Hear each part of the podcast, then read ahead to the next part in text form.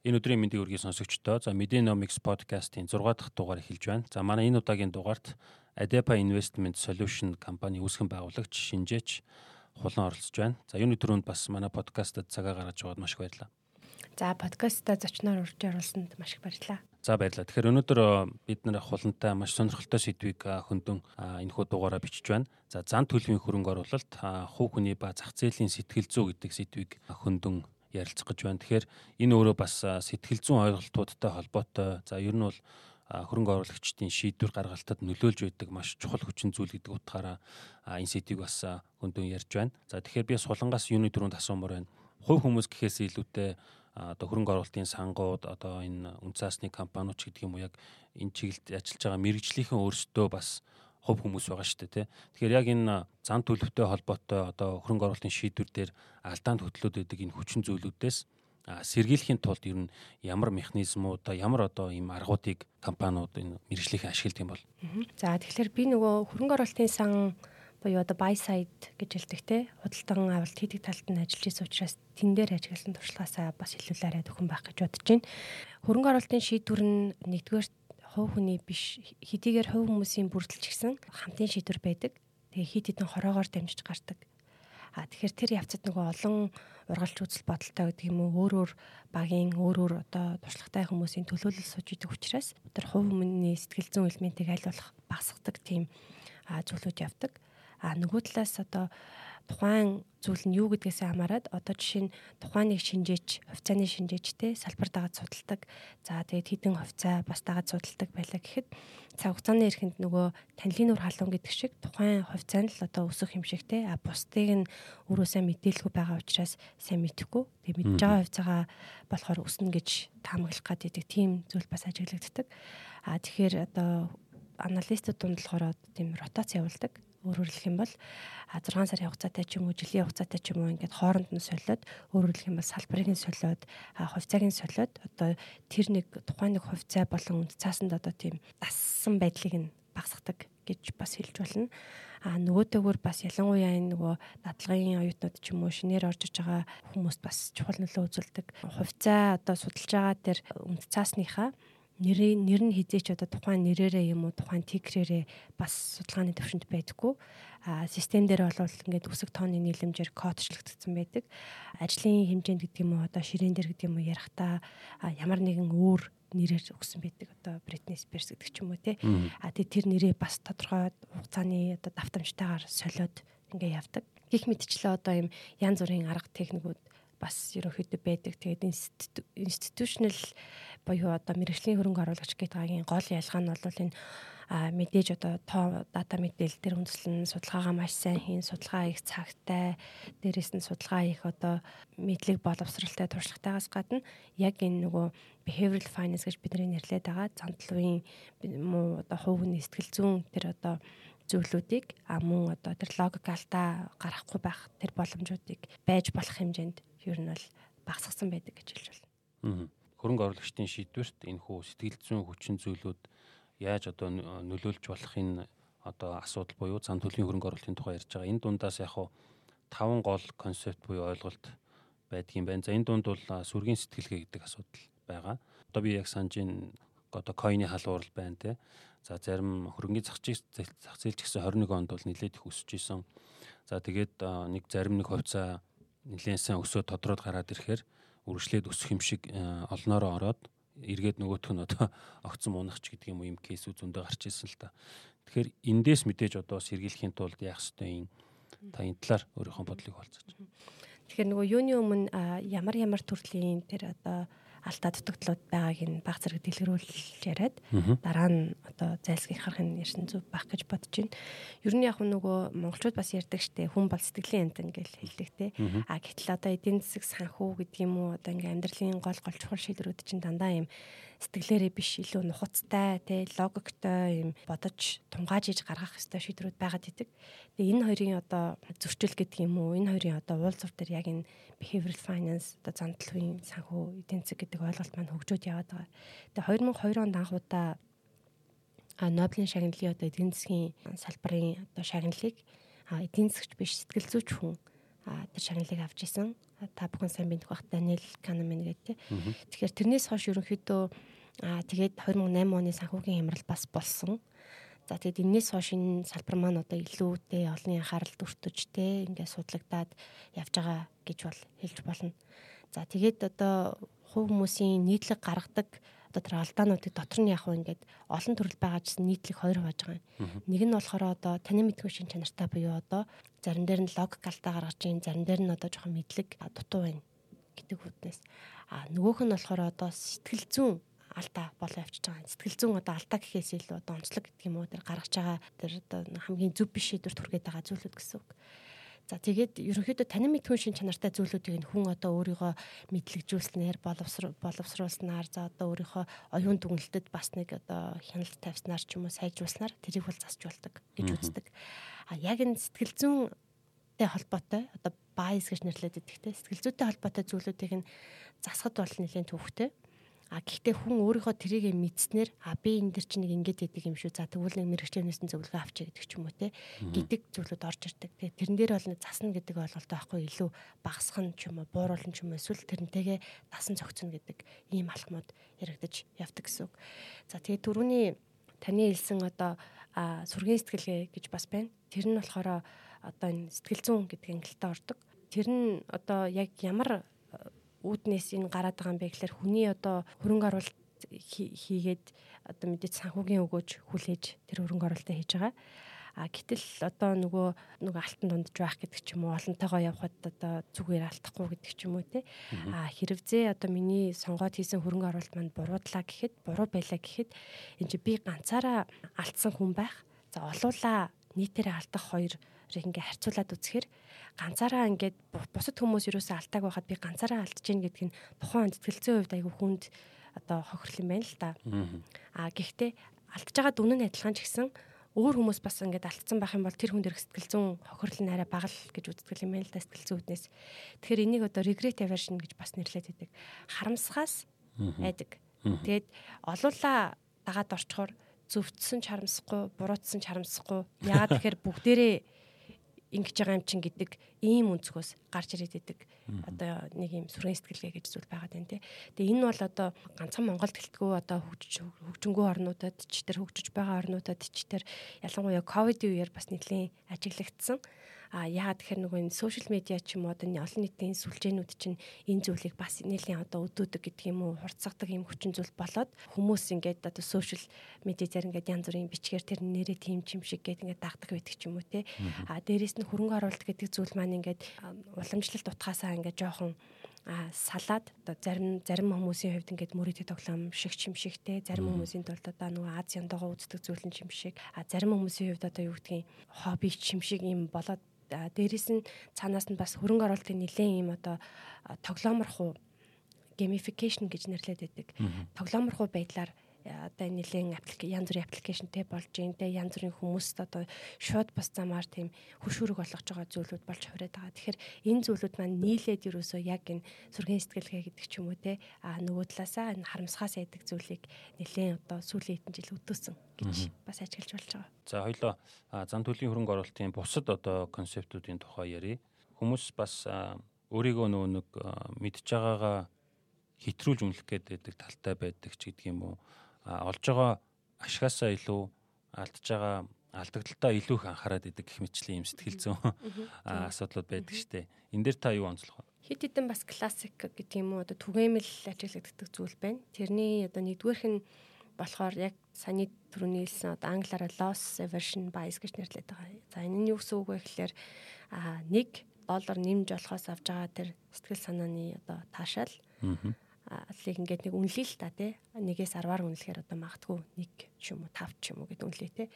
А тэгэнгүүт байсан мөнгнөөсөө 1 доллар алдж байгаа та холбоотой сэтгэл санааны хохирлыг бас ингээд үнэлээ тий. Нэгээс 10 гэд тэгэхээр тэгэхээр хохирол дээрээ болохоор магадгүй 10 ч юм уу тий. Одоо ер нь маш хэцүүгээр хүлээж авдаг сэтгэл сэтгэл зүйн хувьд а нэмж олж байгаа тэр 1 доллароос болохоор авж байгаа таашаалаасаа байсан мөнгнөөсөө нэгийг одоо алдж байгаа нь илүү сэтгэл зүйн тохиролтой байгаад байдаг. Тэгэхээр энийг бол loss aversion гэж нэрлэдэг.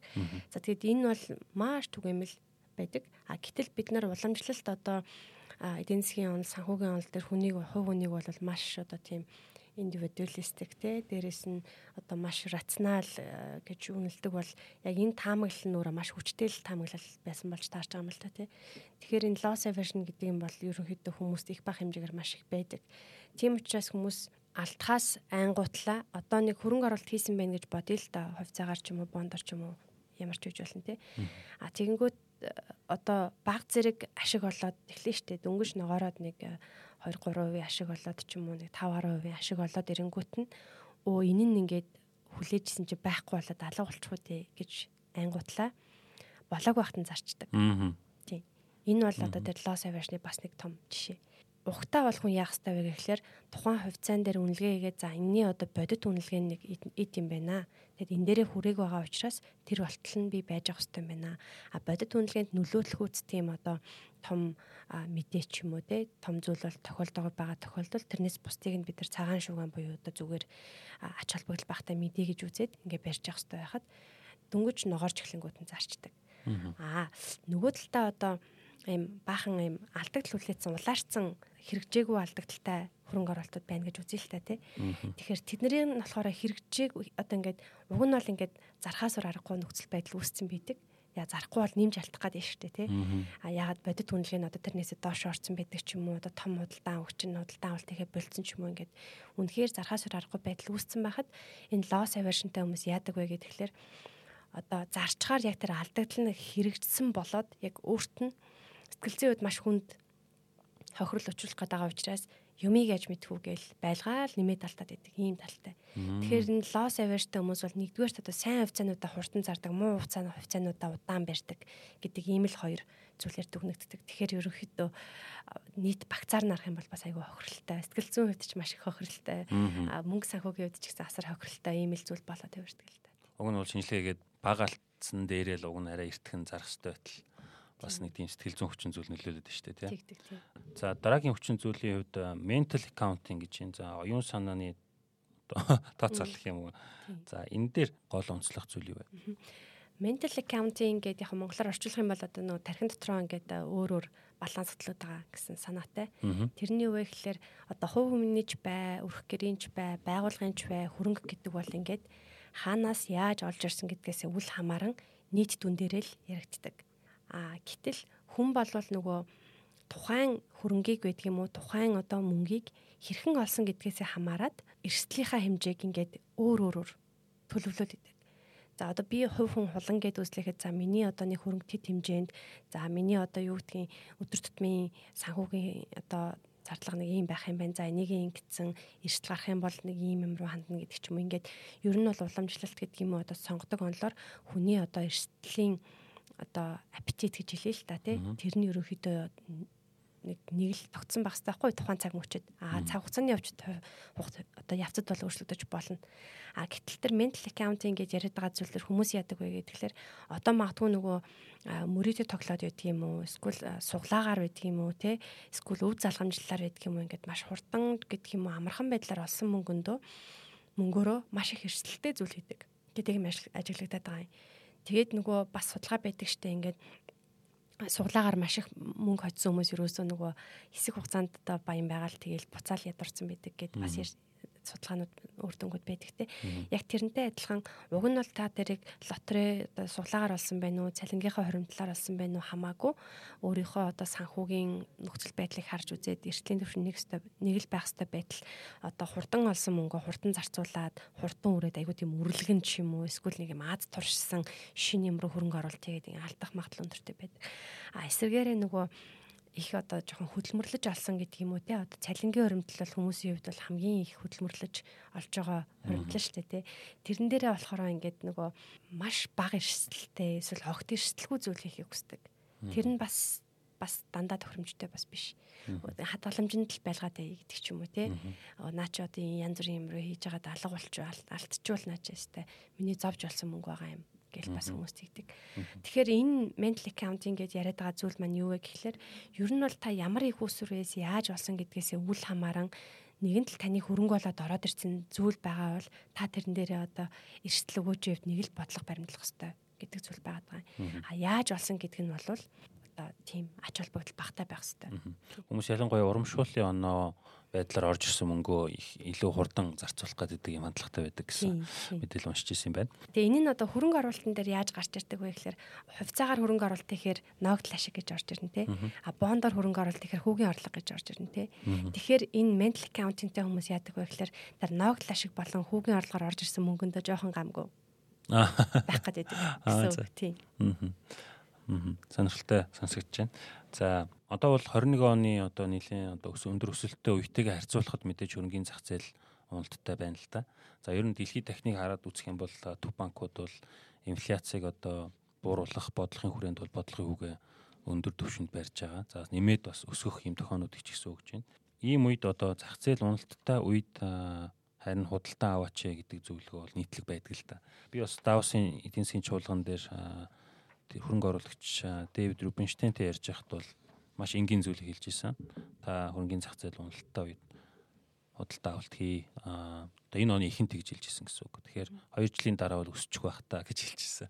Тэгэхээр энэ уналттай үед нь монголчууд хангалттай одоо худалдаа авалт хийж чадчихэв үү? Эсвэл нөгөө нэг loss aversion гэдэг төрөний ярьдаг. Бас нэмээд алдчихгүй гэдэг энэ айц хүмүүсийг хүлээд байна уу? Таны зүгээр ажиглалтаар айц дээр нь аваад шунал дээр нь зар гэд одоо монголоор орчуулвал тийм үг бас байдаг. Гэтэ одоо уналт дээр наавлаар хизээ уналтанд дуусгах гэдгийг бас таамаглах боломжгүй те. Тэгэхээр ерөнхийдөө бол ингээд зах зээлийн тренд гэдэг юм уу цикл ингээд явдгаараа явж байгаа өсөлтийн үе гэж явна. Тэгээд халалтын үегээ тэгээд унж эхлээд одоо хямрал болоод буцаад усдаг гэдэг энэ цикл чинь бол ингээд үргэлжлээд явна.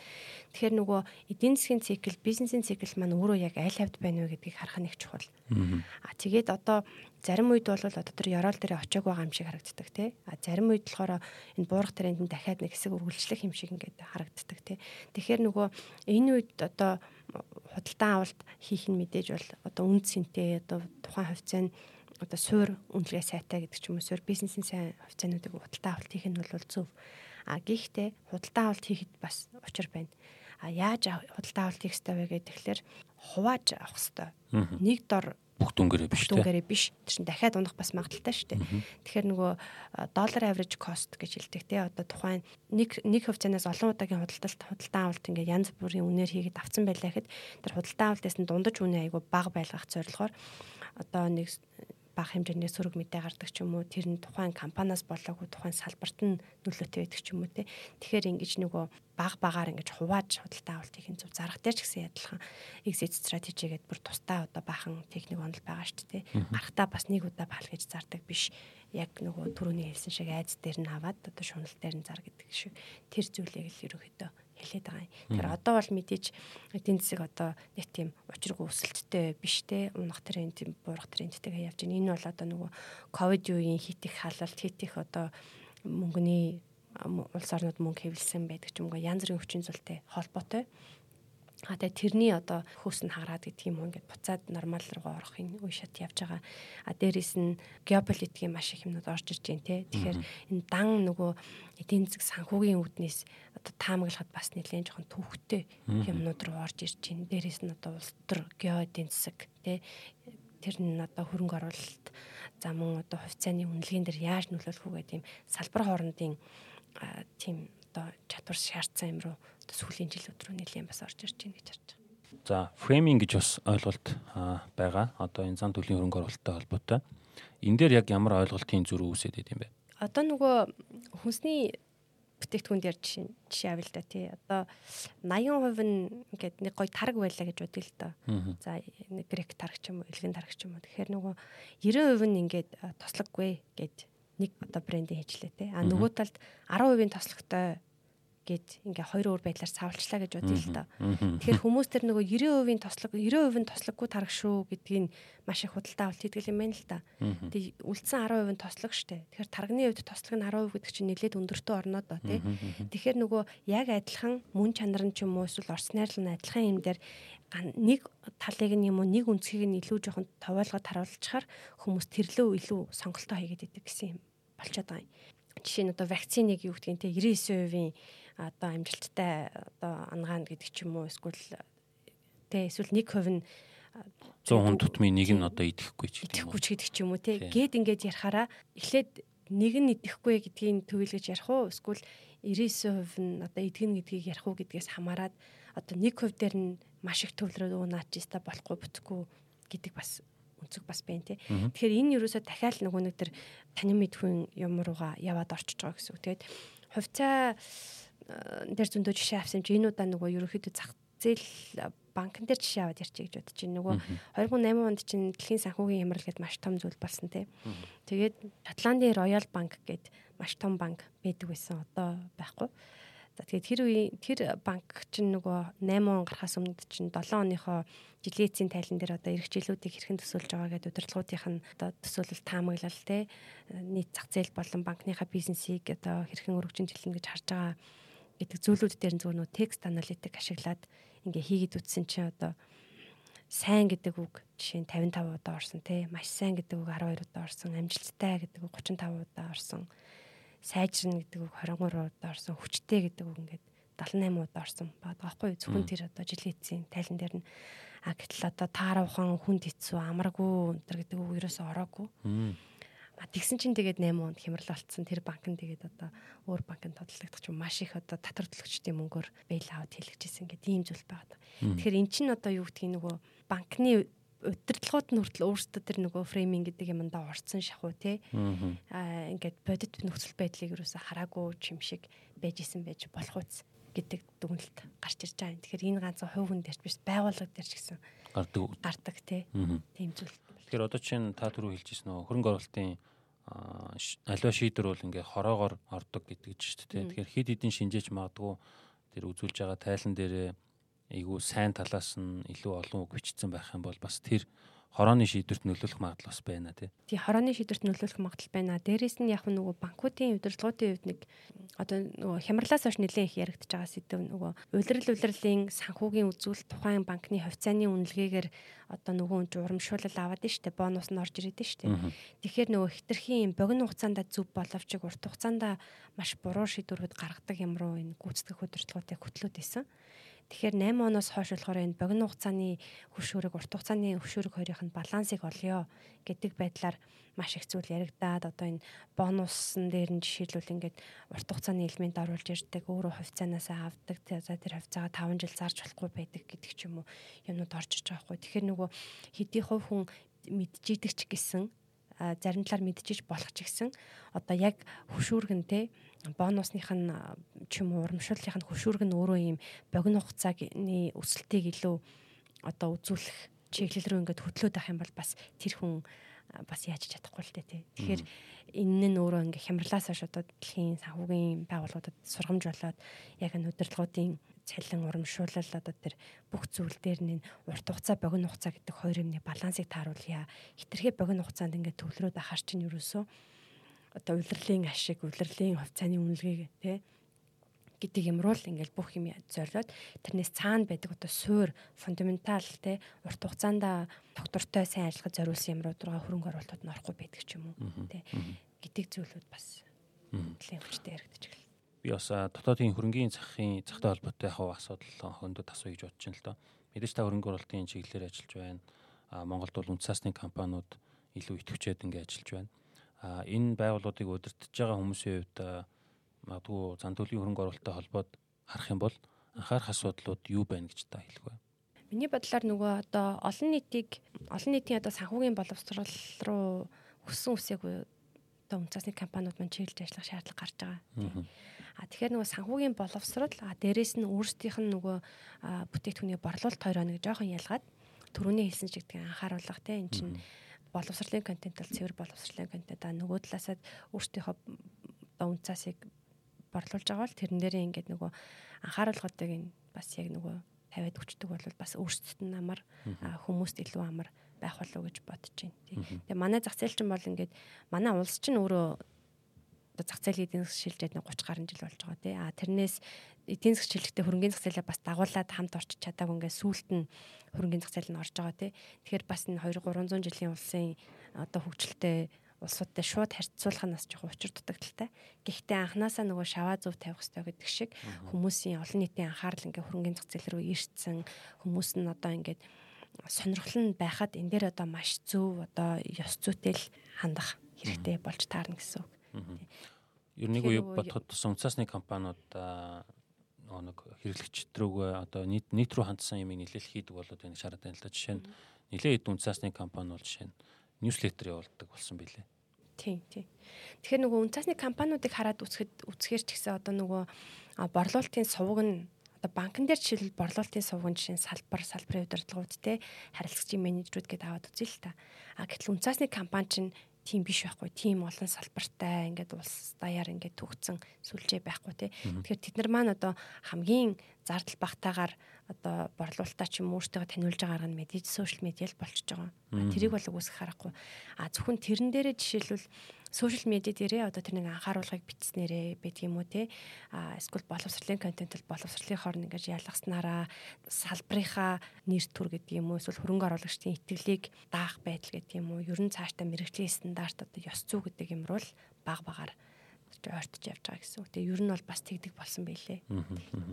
За баярлалаа хулаан. Тэгэхээр зан төлөвийн хөрөнгө оруулалттай холбоотой сонирхолтой сэдвүүдийг асуудлуудыг хөндөн ярилцсан танд маш баярлалаа. За урьж оролцсонд маш их баярлалаа.